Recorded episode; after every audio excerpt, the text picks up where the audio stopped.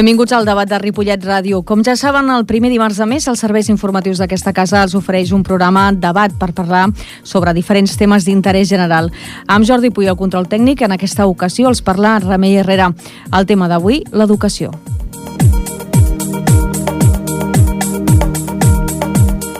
Aquesta setmana finalitza les jornades de portes obertes als centres públics i concertats de Ripollet com a punt de partida del procés de preinscripció pel curs escolar 2013-2014. És per això que avui volem parlar sobre els diferents models educatius que conviuen al nostre municipi. Per fer-ho contem amb nosaltres amb la Graci Mora, que és directora de l'Esplai La Gresca. Bona tarda. Bona tarda. El Carles Gràcia, director de l'Escola Els Pinatons. Molt bona tarda. Bona tarda. L'Albert Uribe, que és cap d'estudis de secundària del Col·legi Sant Gabriel. Benvingut, bona tarda. Bona tarda, bona tarda. I per últim, a la Maite Martín, que és professora de l'Escola Ansel Clavé. Bona tarda. Bona tarda. Com dèiem, en aquests eh, poc més de 50 minuts que tenim per davant, volem plantejar-nos les formes actuals d'entendre l'educació a través de l'anàlisi una mica dels diferents projectes educatius que hi ha al municipi, busquen els punts en comú, també aquells trets diferencials de cada escola. La primera pregunta que els faria és com entenen vostès l'educació? Graci, com entens tu l'educació? Bueno, per nosaltres que venim del món del lleure, eh, dir que estem molt agraïts de que se'ns pugui fer participar d'una taula com aquesta, perquè vol dir que el món del lleure eh, es comença a veure com una part més de la formació.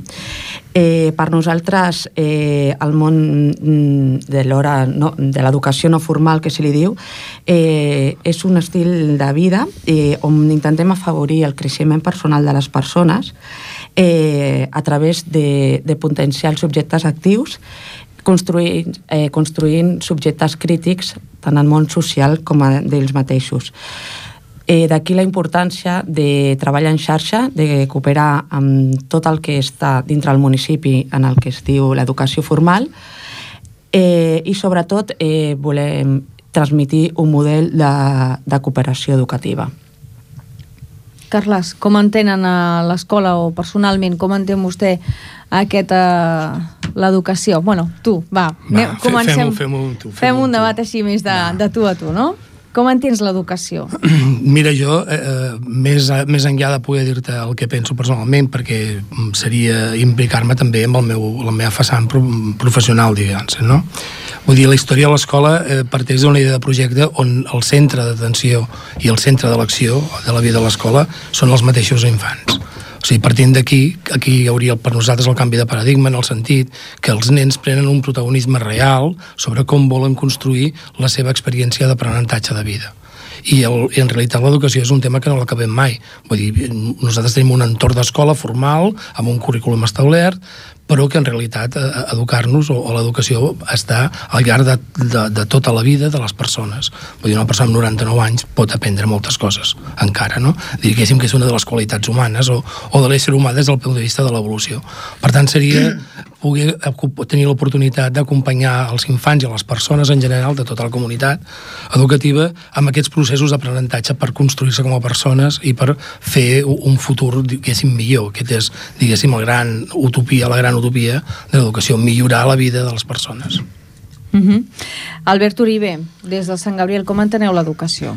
Jo et parlaré una miqueta des de, des de la faceta de, més de l'ESO, no tant com a primària, sinó una que més, que més coneixo, que és l'etapa secundària, i el nostre objectiu principal amb el terreny educatiu podria remarcar que no únicament se centra en el que és la formació acadèmica, que sí que intentarem buscar l'excel·lència educativa, però no únicament això, sinó que també busquem altres facetes com l'educació integral de la persona, per tant intentem que, que els nens surtin de l'escola amb uns valors molt, molt clars, solidaritat, humilitat, companyerisme, etc.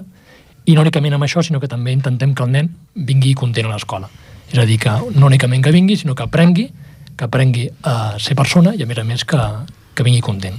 Que això, a l'època de l'adolescència, és una mica complicat. Uh -huh. Per últim, a la Maite Martín, professora del claver, com enteneu l'educació? A veure, el més important és l'infant. I el que volem és, a, a part, de, perquè a totes les escoles donem una sèrie de coneixements, però nosaltres el que treballem sobretot és la persona, el nen, que, que hi arribi a tenir una autoestima i eh, no només el nen, sinó el, el, el sentir-se com a grup i com a ciutadà. I nosaltres donem molt valor a totes les sortides que mm, abans no es feien, però eh, des de fa uns quants anys, aquí a Ripollet, n'hi ha moltes entitats de, de casal de cultura, de teatre, i nosaltres ens hi agrada que els nens participin a totes aquestes coses i que s'integrin dintre, no només de l'escola eh, com a persones, sinó també com a ciutadans, com, com a ciutadans que lluiten per, pels problemes que hi ha a la societat, som bastants mm, bastant lluitadors. I ens, agra ens agrada que siguin crítics també els nens, o sigui, per nosaltres el més important és el nen, el nen com a persona que serà, després serà un home. I fer que aquests homes sàpiguen pensar, sàpiguen decidir i, i que siguin sociables i solidaris amb els altres. Mm -hmm.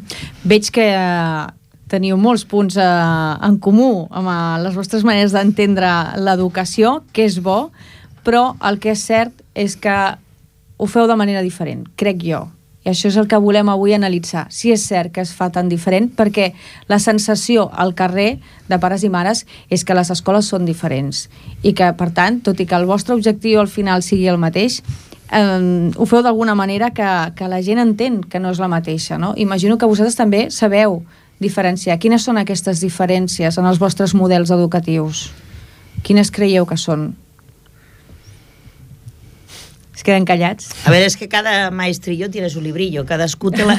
Ca, a veure, eh, ca, cadascú té la seva manera de fer, m'entens? Eh, eh, llavors, eh, la manera de treballar meva potser no sigui la mateixa que la d'ell, eh, però eh, l'objectiu final és el mateix, vull dir, uh -huh. no sé què, què, què dir-te. Nosaltres les eines que tenim a l'escola, més, més eh, molta part manipulativa per part dels laboratoris, eh, fer sortides, eh, treballar molt al lleure també i, i al lloc, vull dir, és que cadascú no sé com dir-te.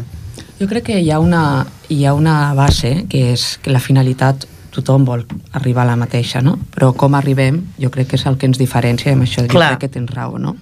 Jo crec que abans parlàvem amb el Carles que eh, a Ripollet s'ha aconseguit eh, asseure a, a direccions, a AMPAs, eh, per crear un projecte que és el que se li diu la taula d'entitats de casals, i on jo sempre parlo com a entitat del tercer sector, en aquest cas de la Gresca, el que noto que, que a Ripollet falta seria definir un estil educatiu, si, si volem definir-ho. Llavors, evidentment, aquests espais són importants per poder veure què, què tenim en comú i què ens diferencia.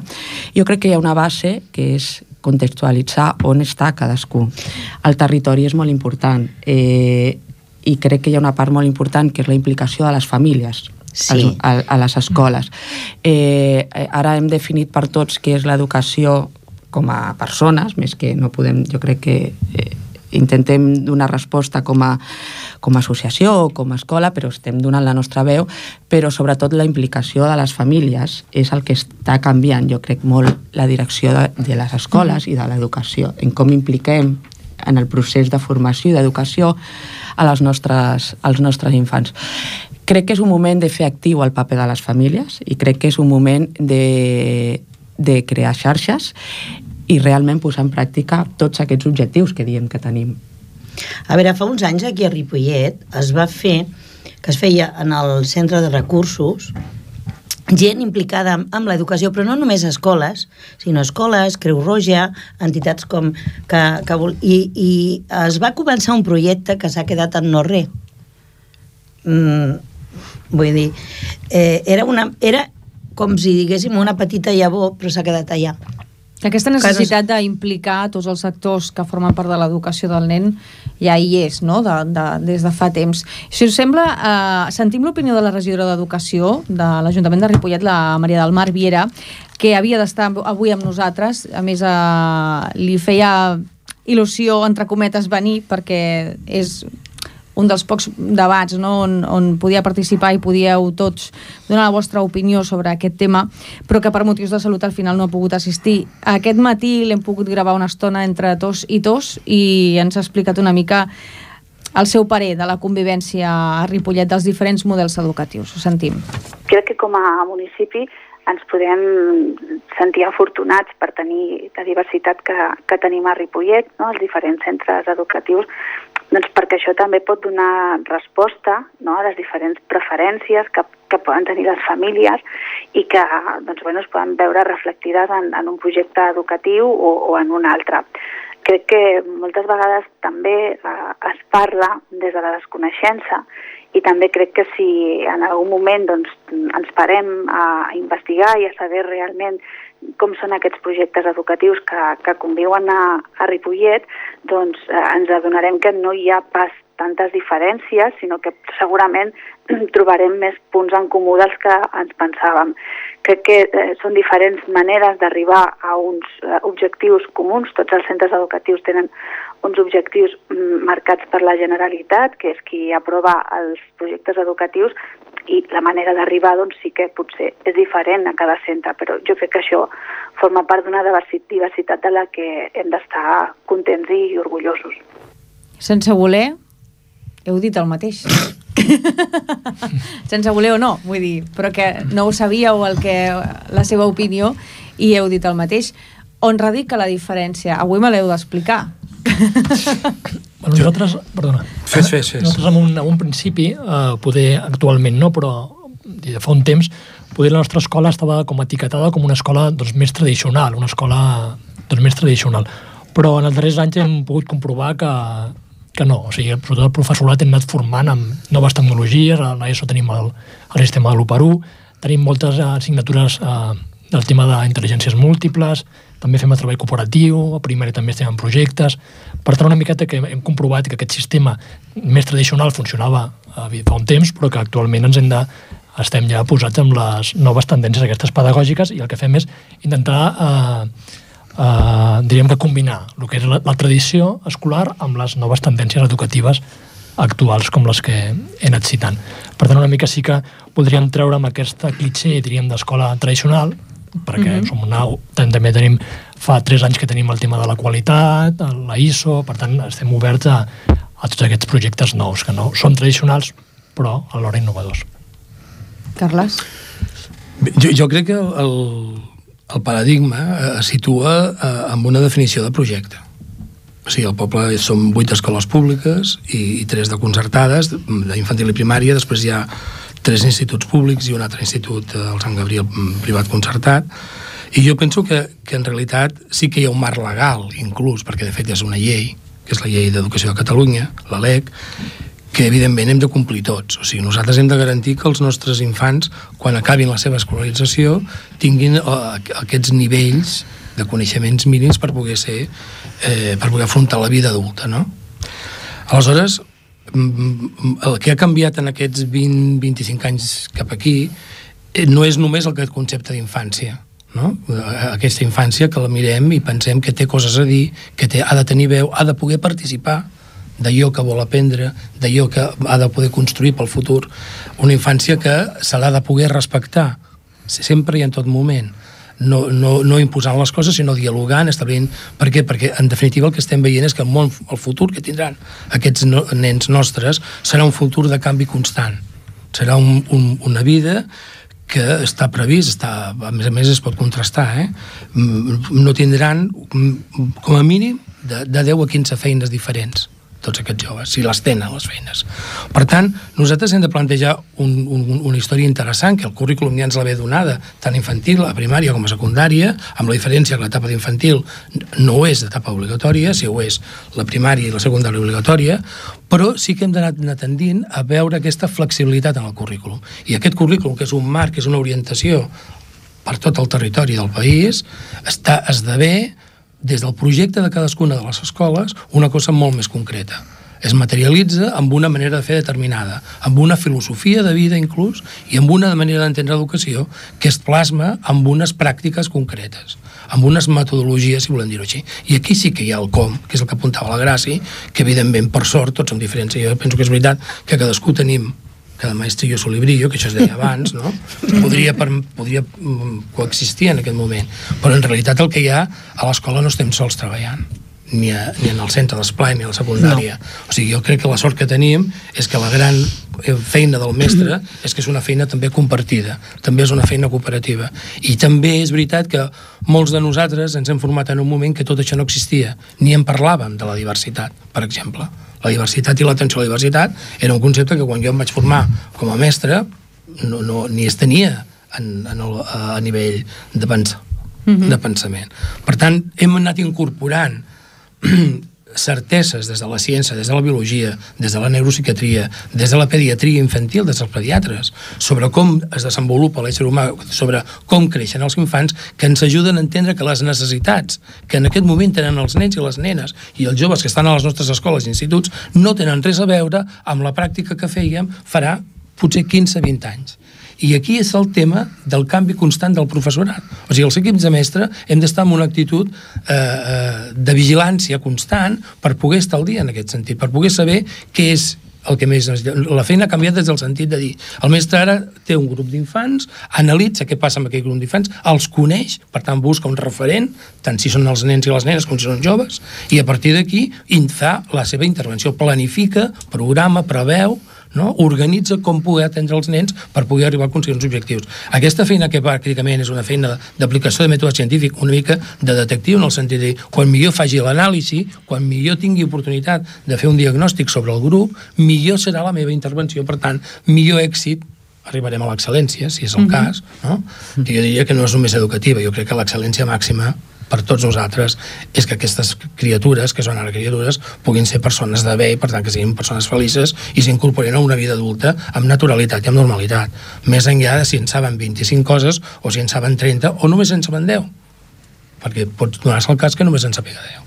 I jo crec que el tema de fons, per mi, és el com, però des d'aquesta perspectiva amb un contingut al darrere de reflexió sobre la pròpia acció educativa. O sigui, repensar per què faig les coses d'una manera i a partir d'aquí donar-li la volta a la truita, donar-li la volta al mitjó per poder millorar allò que faig. Però realment penseu que aquesta flexibilitat en el currículum, aquesta manera de dir mm, analitzo i després aplico, eh, es fa a totes les escoles? Es fa, però no tenim medis i cada vegada tenim menys. Els mestres cada vegada estem pitjors i això s'ha de dir, i s'ha de dir clari, claríssimament. S'ha de dir que cada vegada ens demanen més burocràcia que no serveix absolutament per res, només que per omplir a no sé qui, de no sé on, que estan allà a delegació, eh? i ens ho obliguen a fer una quantitat increïble de paperassa, uh mhm. -huh. deixant de banda que per fer tota aquesta mm, paperassa, doncs, a veure quan ho fas. No, no ho pots fer. Has de, has de deixar altres coses. Cada vegada estem pitjor, els mestres les retallades a, a, a, a l'ensenyament. Els mestres cada vegada més treball, més, més, més, eh, més feina i això implica les substitucions no es substitueixen fins als, als 11 dies. Què passa? Cada vegada menys mestres. No podem fer desdoblaments, no podem fer reforços, no podem fer moltes de les coses que abans es feien, no les podem fer. I no les podem fer perquè no tenim... No és que no tinguem ganes, és que no tenim recursos. Vol dir que recursos i qualitat de l'ensenyament van associats? Mm, jo, no només, no, no jo només. discrepo. Jo crec que, i a mi, si em permeteu, miro des de fora, perquè jo vinc, o sigui, no estic dintre de, del que són les escoles, però sí que com a observadora des de fora, jo crec que la importància eh, de que, del que volem ensenyar és la implicació sí, que, te, que sí. jo crec que els mestres tenen, però sobretot és el projecte. Però tu veus que, que, que podries fer que uns nens teus necessitarien això i no ho pots fer. Sí, però no. això, jo, jo ah. crec que això, o sigui, d'això estem tothom d'acord, el que ah. passa que estem parlant de l'estil educatiu. L'estil educatiu eh, no ha canviat per les retallades. L'estil educatiu que ha hagut a Ripollet és el que ha hagut no, ja fa molt temps. No ha canviat per als recursos... No estem parlant de la qualitat, estem parlant de l'estil. Jo crec que és la diferència. Ah, que, bueno. que podria parlar, podríem parlar de després sí. quina qualitat podem portar a terme tot allò que ens agradaria poder portar a terme i què hem de deixar de fer perquè no tenim els recursos Però penso que això també s'ha de dir. Sí, sí, sí, això per suposat, que de... no, això està claríssim i crec que això eh, ningú ho pot eh, obviar, això està claríssim el temps que estem i com la crisi està afectant eh, el fracàs escolar també podríem I que és parlar. de vergonya perquè un país el que, lo que ha de prioritzar És l'educació. És l'educació. Això està claríssim. I, I no que, que, que, que, que deixem a l'educació a l'últim de la cua. Ah, Aquí jo- crec que tots estareu clar. Sí, d'acord. tots Jo crec que això El que estem sí, tots per exemple, una pregunta que es planteja un pare o una mare, qualsevol a Ripollet, és uh, per què unes escoles tenen una sèrie d'assignatures amb uns llibres i altres no? Per exemple, és una pregunta Però perquè jo crec que... molt de carrer, eh? Bueno, jo crec que hi ha una cosa que és molt important. Això concretament que has dit? Sí, Jo crec que hi ha una cosa que Jo és molt que la important. Perdó, perdó, Sí, gràcies. sí, sí, Digues, sí. digues. Que jo crec que una cosa que és molt important i és que la importància i la qualitat d'una escola ve en funció del seu projecte. I el projecte hem de conèixer quin és i és el que s'ha de fer.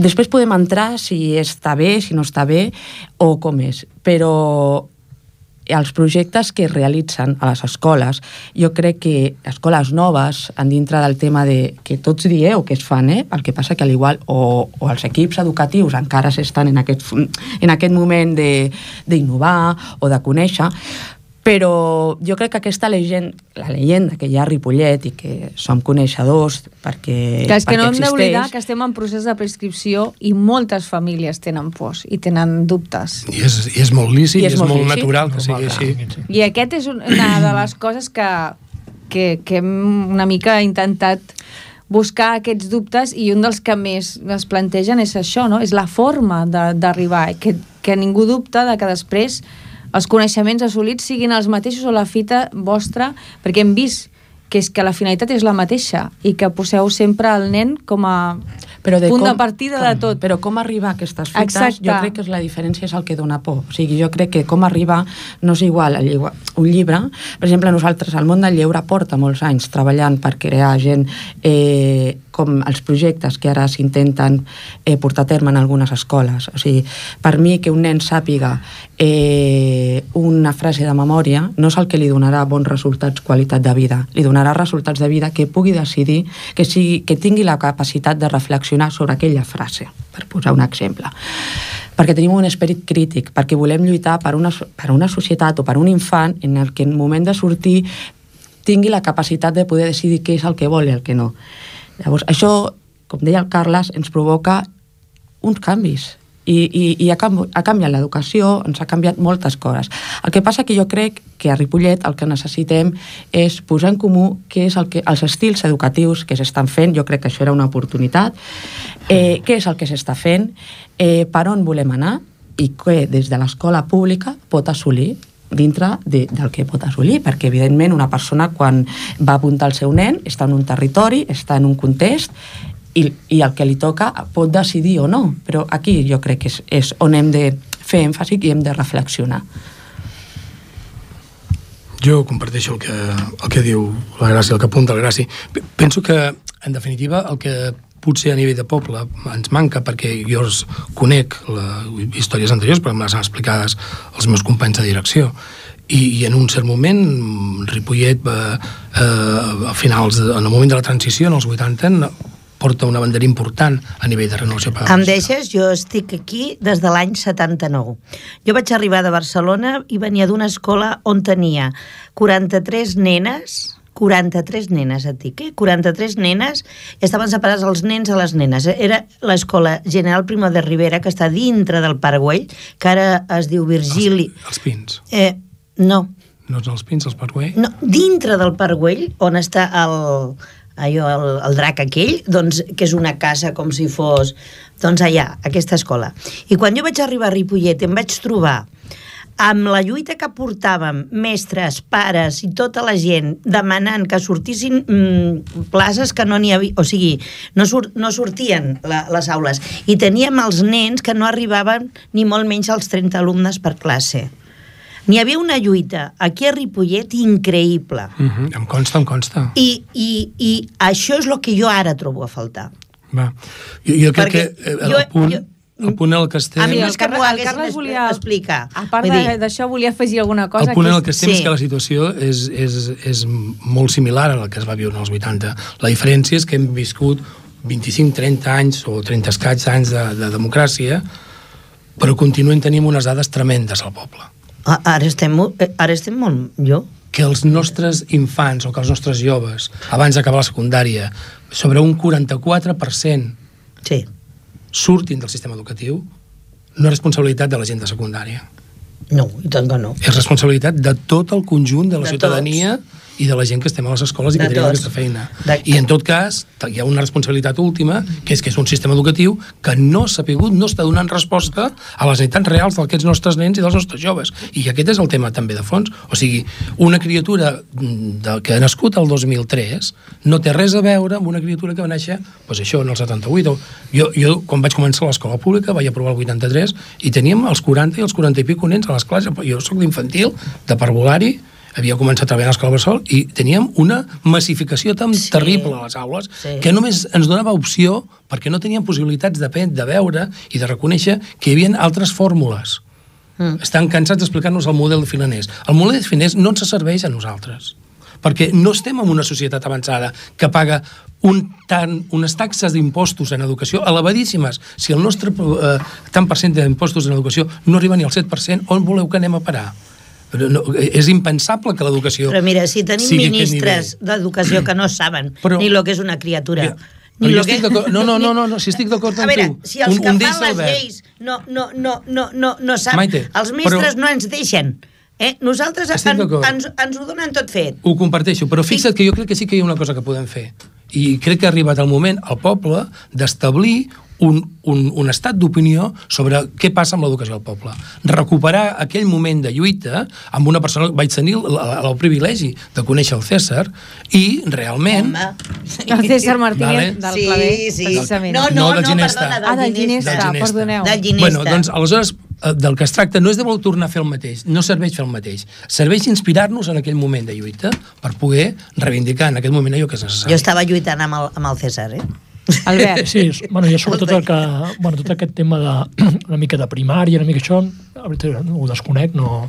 El que sí que voldria remarcar una miqueta és que totes aquestes lleis i aquestes coses que els polítics posen i tal haurien d'intentar eh, que no ens afectessin sobretot el nostre rendiment i sobretot que els nens, que tot que els nens no ho dic perquè a vegades algun professor mostra un estat de desànim, ens queixem contínuament i tal, i sobretot el que hem de veure només amb la cara dels infants que no tenen pas cap culpa.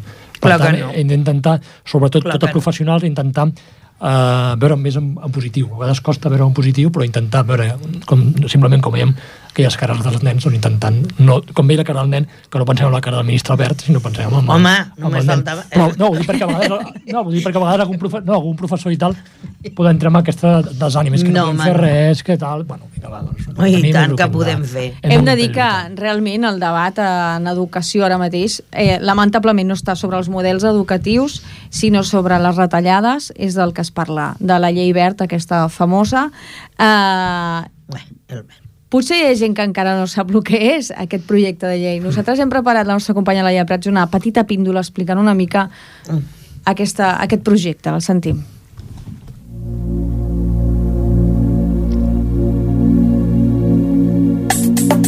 L'avantprojecte de llei orgànica de millora de la qualitat educativa proposat pel ministre d'Educació José Ignacio Bert ha fet reaccionar no només a la consellera d'Ensenyament Irene Rigau, sinó també a la comunitat educativa de diverses comunitats autònomes. Les més contestatàries en aquest sentit han estat Catalunya, el País Basc i Andalusia per l'atribució que aquesta llei dona a l'executiu central de l'Avant un 10% la definició dels continguts de les ensenyances comunes fins a arribar al 65% a les autonomies amb llengua pròpia i al 75% a la resta. Pel que fa a la immersió lingüística, la reforma contempla que les administracions educatives garantiran el dret dels alumnes a rebre l'ensenyament en castellà, llengua oficial de l'Estat, i en les restant llengües cooficials dels seus respectius territoris.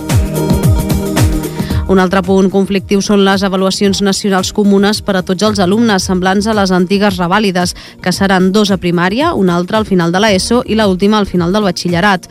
Així desapareixerien també les actuals proves d'accés a la universitat, obrint la porta a que cada centre d'educació superior faci les seves pròpies proves d'accés. Altres canvis que proposa l'avantprojecte són que a quart d'ESO els alumnes puguin triar, tot i que no definitivament, entre la iniciació al batxillerat o a la formació professional. D'altra banda, la reforma incorpora la formació professional bàsica de dos anys de durada, redueix les assignatures optatives, reforça les competències bàsiques com són llengües, matemàtiques, ciències i anglès i també la figura del director que haurà d'acreditar que ha superat un curs de formació sobre el desenvolupament de la funció directiva. Aquesta és la tercera versió de l'avantprojecte de llei que inclou les conclusions de la Conferència d'Educació i el Consell Escolar de l'Estat, però, segons ells mateixos declaren, no han estat consultades les comunitats educatives ni els governs autonòmics i les reunions amb, per exemple, la consellera Rigau no han estat de moment fructífers.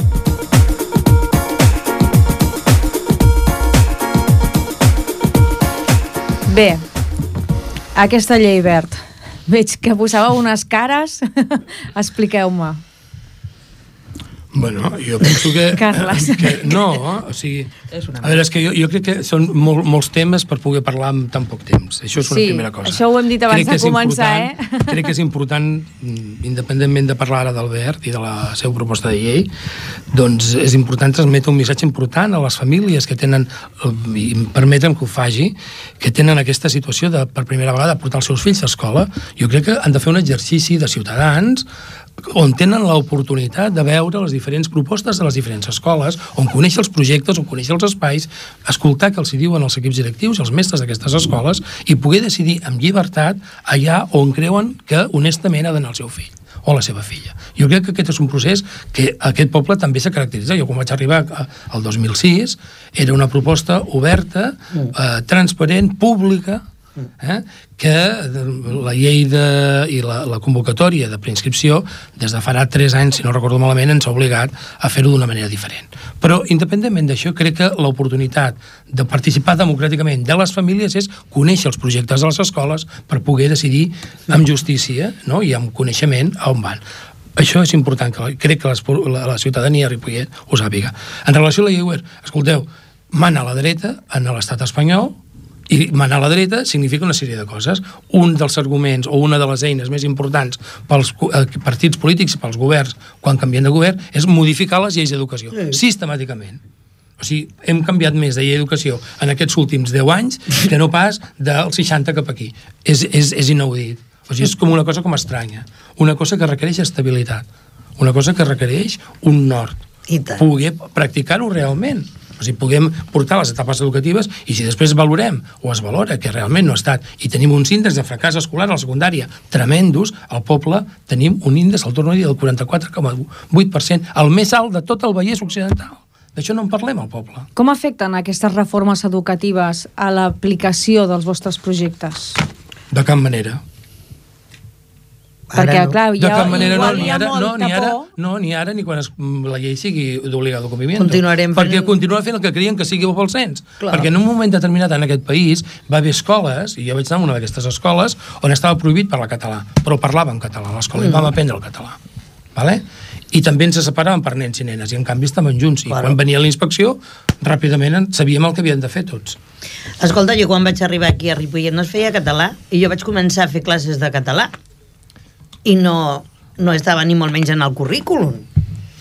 I, i, I es feia, Jo crec que la, es feia jo.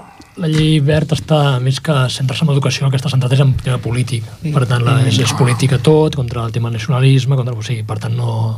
Vull dir, nosaltres des del punt de vista educatiu ens costa entendre-ho perquè jo crec que està pensat més amb el tema polític que no pas amb el tema pedagògic. Per tant, nosaltres aquí difícilment podrem podrem entrar-hi. I això que comentàveu, no? que cada, cada vegada que entra un partit el que fa és revocar l'altra llei, això com a professors ens, de, descentra. Bueno, ara què, què farem optativa? Ara no ho sabem, encara depèn com anirà el temps. Per tant, hem d'estar sempre supeditats o, o això o fer la nostra, perquè si no acabaríem bojos. Jo penso que està molt bé eh, les portes obertes a les escoles. Allà eh, coneixen i poden preguntar, poden veure, i llavors no han de tenir por. Què, què, què han de tenir por? Perquè un tingui llibre i un altre no tingui llibre? Doncs pues, escolta, valora, tu mira, i el que més t'agradi, a, a tu, com a, com a pare d'aquesta criatura, fas el, el que hagis de fer. Vull A dir, mi, a mi, a part del tema que abans m'ha quedat, una reflexió que també hauríem de fer és que a Ripollet tan sols no hi ha una imatge de qui té llibre i qui no té llibre, que això va en estils educatius i que, bueno, ja pot ser gent que li, que li espanta no tenir llibre. Que és una, un dels dubtes, eh? Vull dir Sí, que sí, sí, les estic famílies totalment- es plantegen, sí, sí, sí, eh? sí. Vols dir que en tens més de dubtes? No, jo no. Però ja... Recollit, vull dir, recollit. Sí, però sí que jo plantejo un altre, que és el tema de, de no quiero ir porque hay muchos inmigrantes. I això també passa molt a Ripollet, i això també passa en escoles. I això també és un treball que crec que s'ha de fer com a municipi.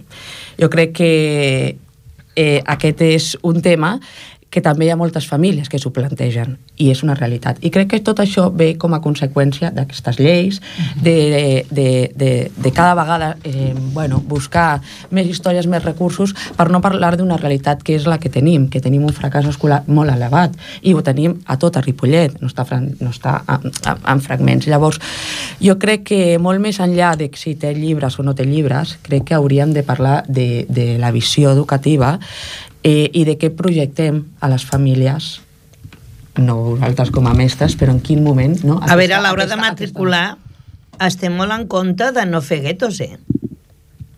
Vull dir, sí que hi ha immigrants, però hi ha a totes les escoles. Parlo de les escoles públiques. Jo no sé com De, funciona, la, eh? les concertades, tu sabràs millor que... Però, eh, a veure, una de les coses, des del primer moment, va ser de distribuir, no fer guetos. I això... I això es penso... compleix? Sí, senyora. Desconec, eh? T'ho dic perquè això es fa des de, des de, des de, des de, la, des de que teníem els problemes dels gitanos. Estaves tu quan els problemes dels gitanos? Quan teníem... Bueno, doncs, una de les coses que des de sempre eh, s'ha treballat a, a, a l'hora de la matriculació és d'evitar els guetos. Però el que no I- podem oblidar és que, per exemple, el Però- barri de Can però- Mas però és un barri on hi ha moltes famílies immigrants i que, evidentment, per, per, per estar més a prop de, de segons quines escoles, doncs aquelles escoles Mm, poden a veure, rebre... No, jo, Reme, jo... el que no sé és fins a parlo- quin punt a punt les famílies Eh, mm, ho tenen en compte o no, No eh? sé, jo dic perquè si sou coneixedors de que aquesta distribució es fa, és un bon moment Sí, per sí dir que es que, es fa, fa aquesta sí que es distribució. fa. El que és un bon passa moment que- per dir que en totes les escoles hi ha un percentatge. Clar, a totes. És a un tot, bon moment a, per a, a trencar... públiques. Jo, Sí, no, no, no, sí, sí, concertada no, no, en tenim, no en tenim massa, en Vale? tenim, però pocs. Però et dic públiques. Carles, teniu? L'escola, jo, jo crec que aquí hi ha un tema important i és el tipus de prescripció que portem des de la convocatòria pública fa que tinguem el polo dividit en zones. Mm? Clar, En- perquè en jo anava ara en aquest tema, Jo no? Que... Aleshores, eh, hi, ha, hi ha zones que... O sigui, què vol la família? La família que vol és no fer un trasllat que li suposi un transport o que li suposi una hora abans d'aixecar-se a casa per pujar des de Can Mas cap a Pinatons. Aleshores, en el cas de la nostra escola, l'índex en aquest moment de famílies immigrants o, o, o nouvingudes no arriba al 7%.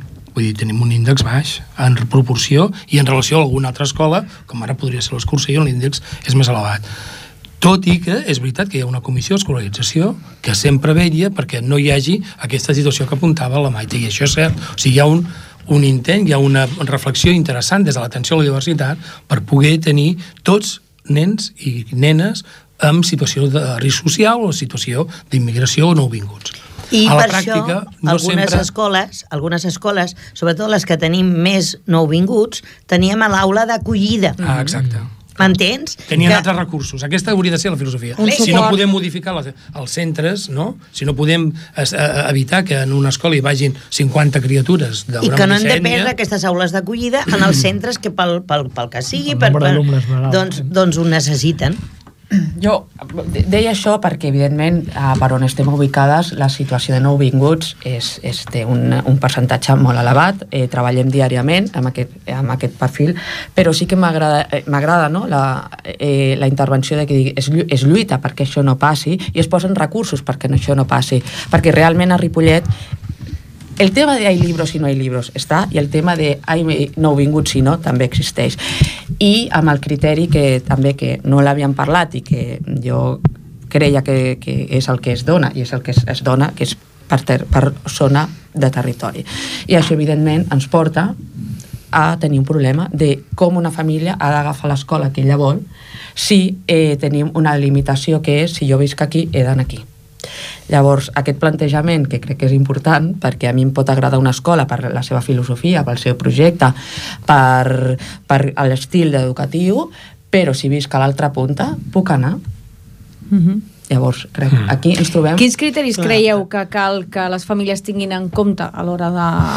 Evidentment, el tema de- d'estar més o menys a prop és una cosa que potser per vosaltres no és important, però per les famílies sí. No, no, és, evidentment és important. És important. Jo penso que és un dels criteris. Però, però clar, que després no es trobi que una família ha d'apuntar un nen en una escola perquè és la que li ha tocat i està esperant Clar. un any, dos anys, tres anys fins mm. canviar-la en el col·le que Però volia. aquesta també és una realitat que passa no a Ripollet, sinó passa a tot arreu, A tot a, a arreu. tot el territori del país. Vull dir, la- l'administració el que ens garanteix, o que garanteix als ciutadans, és que tindrà una plaça d'escola pública. El Sí. que no sempre és la plaça que ha demanat en primera opció. Claro, claro. O sigui, si ens, si ens deixaríem per les preferències de les famílies, hi hauria escoles que estarien buides. Sí. Ah, Ja et això dic jo que hem de- sí. Clar, clar, clar. Això també hauríem de tenir-ho present. Eh? I per què? I fer la reflexió. Per, Per per, què? per la fama que poden tenir unes escoles i unes altres no, per el, el lloc on està ubicada l'escola, pel tipus de població que hi ha a l'escola, pel tipus de projecte que hi ha a l'escola. Mm. No? Per això crec que és tan important poder expressar en aquests dies de portes obertes les diferències. I, i parlar de diferències vol dir parlar de riquesa del sistema educatiu. Clar, per això, No vol dir de, no parlar d'afrontaments. O sigui, jo que hi hagi una escola com el Sant Gabriel, crec que és bo pel poble. Mm. O que hi hagi una escola com l'Escursell, o que hi hagi com una de les qualsevol escoles que hi ha al poble. Per què? Perquè vol dir que hi ha una oferta important i molt diversa per les famílies del poble, per la ciutadania. I això, en, a, a, en contra d'un poble que té dues escoles i que són totes dues aquelles i no són unes altres, doncs no hi ha aquesta opció. Jo crec que aquest és un element de valor de riquesa important en el nostre poble, per ser un poble tan petit, perquè al final no ens oblidem que Ripollet no és un poble molt gran. Té molta població, però en realitat això és interessant. Vull dir, Jo penso que la- la- l'estar més a prop o més lluny no hauria de ser decisori. Hauria de ser, per, per, pel meu parer, més decisori la decisió dels pares. Dintre de Ripollet, jo estic en aquest carrer, però a mi m'agrada aquella escola pel meu fill, doncs penso que hauria d'estar per davant de la pro- de, de, de l'estar eh, més lluny o més a prop de la meva zona. Jo penso, eh? Mm. És el meu parer. Que tu comentaves que, que ha de mirar un pare a l'hora d'apuntar el fill i tal, suposo que era això que comentàvem tot, no? Saber una mica el tipus d'escola i el projecte educatiu que té, però més que perquè li diguin, que li expliquin i tal, per això és important això que estem fent, no? una crida a aquestes portes obertes i que ho veien en primera mà, que parlin amb el director, que parlin amb els professors, que parlin amb els nanos que poden Claro. allà. No, és que m'han m'han dit que... No m'han dit, només No. no, tu parla i, i comenta-ho i digui... No, és que és molt... Vés allà, parla, demana tarifa, demana preus, i això realment és el que és, que total, portes obertes Vull dir, tenim aquesta setmana i res més. I després ja sí que són uh, unes, unes, unes coses, coses que han sigut ja vistes, ben vistes, no del que m'han dit, no? Per mi té sentit si el pare està d'acord.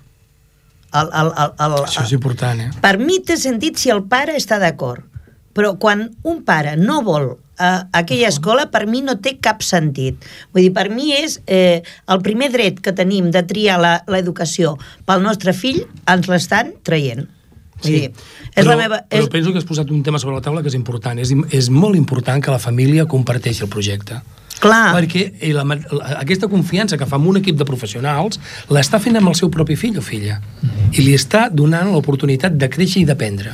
Per tant, és necessari, és imprescindible que la família co- confiï en l'escola i en el que- projecte, això. encara que li hagi tocat d'ofici, diguéssim, l'escola. Igual, jo crec que el, els, jo per aquí anàvem, no?, amb la pregunta de, de, de poder aclarir el criteri de poder anar a una escola o una altra, anava per aquí, no?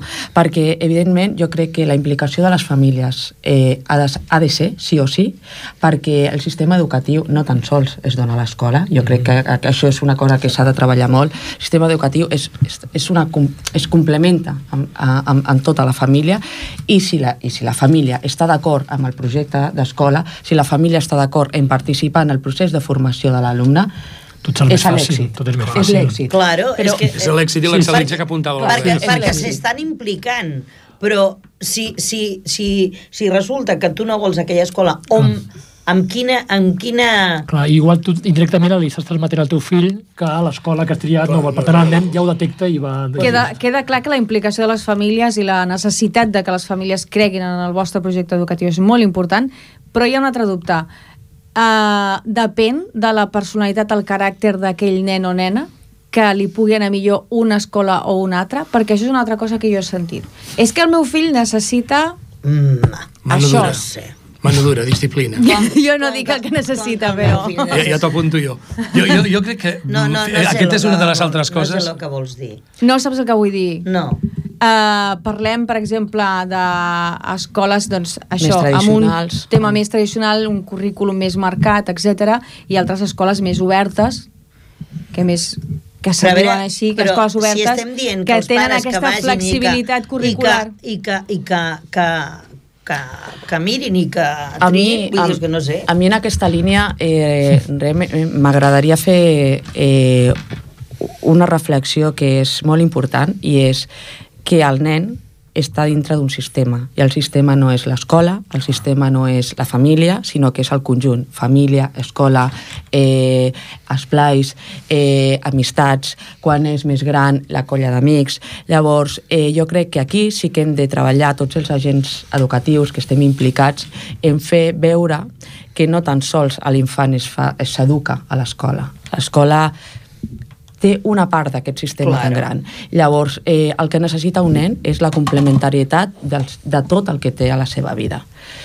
I, evidentment, el que no podem donar respostes, i jo això parlo com a mestre, tot i que no sóc, no podem res donar respostes a les carències i necessitats que els sistemes familiars tenen. Estem treballant projectes educatius. I aquí crec que és el gran problema. Jo és el que volia dir. Sí, hem de treballar conjuntament, no podem treballar Sols, de la no, manera de isolada. cap manera. Vull dir que no esperi un, un pare o una mare. Que Ara, nosaltres ara eh, l'escola m'ho farà acabis- tot. No. L'escola no t'ho farà tot. No, no, Però no. això ha canviat. Eh? Les famílies han canviat en aquest sentit, Eh? o no? Eh? Com ho veieu vosaltres? Bueno, ens trobem de tot igual que ens trobem de tot Sí. dins els mestres. O sigui, clar... Abans perquè- sembla que sí, però igual que les llars d'infants, no? que era la, la part que nens, i ara això ha canviat molt, no? Bé, vol dir que la, la societat madura i també està creixent, d'acord? Però també és veritat que són processos... Clar, però això té a veure amb la participació.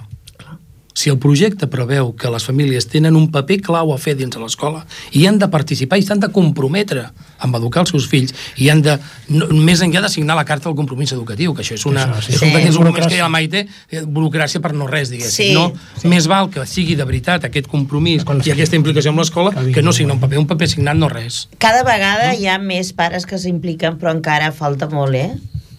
No, no hem de dir, no hem, no hem de dir aquí mentides tampoc, eh? eh N'hi ha nens que, No, que estan molt deixats per part de les seves famílies, eh? Bueno, però jo crec que eh, a donar, saber donar els espais per on les famílies han de participar també és molt important. Sí. Eh, jo crec que venim d'una educació on l'escola era, una, era, era tancat i això era el que havia i ja està, i jo crec que tenim l'oportunitat de, de canviar i que crec que tenim l'oportunitat de poder crear aquests espais on la família, o els pares, o les mares, o els avis també sentin que són importants en la formació dels tant, infants. i que no pensin que l'escola som els que hem de fer tot. Senyors, ens queden 4 minuts i m'agradaria dedicar-vos un minut a cadascú per fer una petita reflexió final de què cal a nivell educatiu a Ripollet. Bueno, si voleu, jo començo. jo crec que cal definir un estil, eh, cal portar un model on la participació de les famílies, dels infants i dels agents educatius sigui important i, i, cal, i cal estar amb el sistema que ara tenim.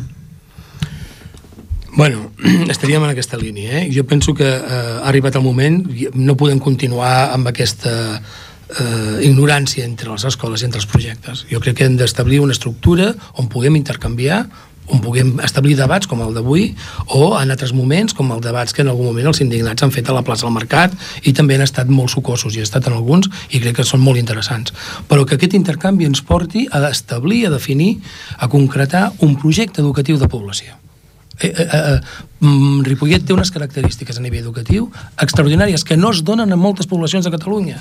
I jo crec que això no ho estem eh, no dic explotant, però no ho estem visualitzant prou bé. I això també ajudaria al conjunt de la població de Ripollet a saber què és el que hi ha al poble. O sigui, si hi ha 8 escoles públiques i 3 de privades concertades cadascuna en el seu àmbit d'actuació i des de la seva comunitat de treball des del seu sistema educatiu doncs estableixen uns vincles i uns nexes que són riquíssims pel poble i això no, és, és, és una història cultural i educativa que el poble la té com un valor en positiu. No es pot perdre, en definitiva. Albert. Res, només concretar el que en quant als companys, no? de crear unes línies pedagògiques clares, unes línies de treball conjuntes, independentment una mica de, dels polítics, eh? és a dir, pensar una mica amb, amb nosaltres mateixos, perquè nosaltres som els que tenim els nens, els que tenim les famílies, ells estan als seus despatxos, per tant nosaltres hem de treballar per aquesta línia conjunta pedagògica, i a partir d'aquí eh, crec que tothom creu convenient no? que l'objectiu nostre és que el nen que el nen millori, que el nen es formi com a persona per tant l'objectiu és aquest, tot plegats cadascú amb les seves diferències per la millora continuada del nen i sobretot que els pares eh, ens coneguin, que triïn i que confiïn i que ens recolzin que uh -huh. si és d'aquesta manera tot anirà bé jo crec que hem de lluitar per crear infants i joves amb esperit crític i és el que és ha de ser l'objectiu de l'educació. Bueno, sembla que heu sentat una mica la base d'aquesta necessitat de, de definir una mica aquest eh, projecte educatiu de Ripollet perquè crec jo que teniu moltes més coses en comú que diferències i potser això la gent encara no, no ho sap. Nosaltres eh, acabem aquí el debat de Ripollet Ràdio d'aquest mes. Agraïm la presència als nostres convidats, a la, a la Graci Mora, que és la directora de l'Esplai La Gresca. Moltes gràcies. De res. El Carles Gràcia, director de l'Escola Els Pinatons. Gràcies per venir. A l'Albert Uribe, cap d'estudis de secundària del Col·legi Sant Graviel. Moltes gràcies. I a la Maite Martín, professora de l'Escola Ansel Clavé. Moltes gràcies. Nosaltres diem que els hem acompanyat en Jordi Puy, el control tècnic, la Francina Ricard i la Laia Prets a la producció i qui us parla, la Remei Herrera. El recordem que aquest programa es remetrà diumenge a les dues del migdia i que també el poden descarregar des de la nostra web ripolletradio.cat. Gràcies per la seva atenció. Els esperem al mes vinent, que parlarem de sanitat. Bona tarda. Bona dia.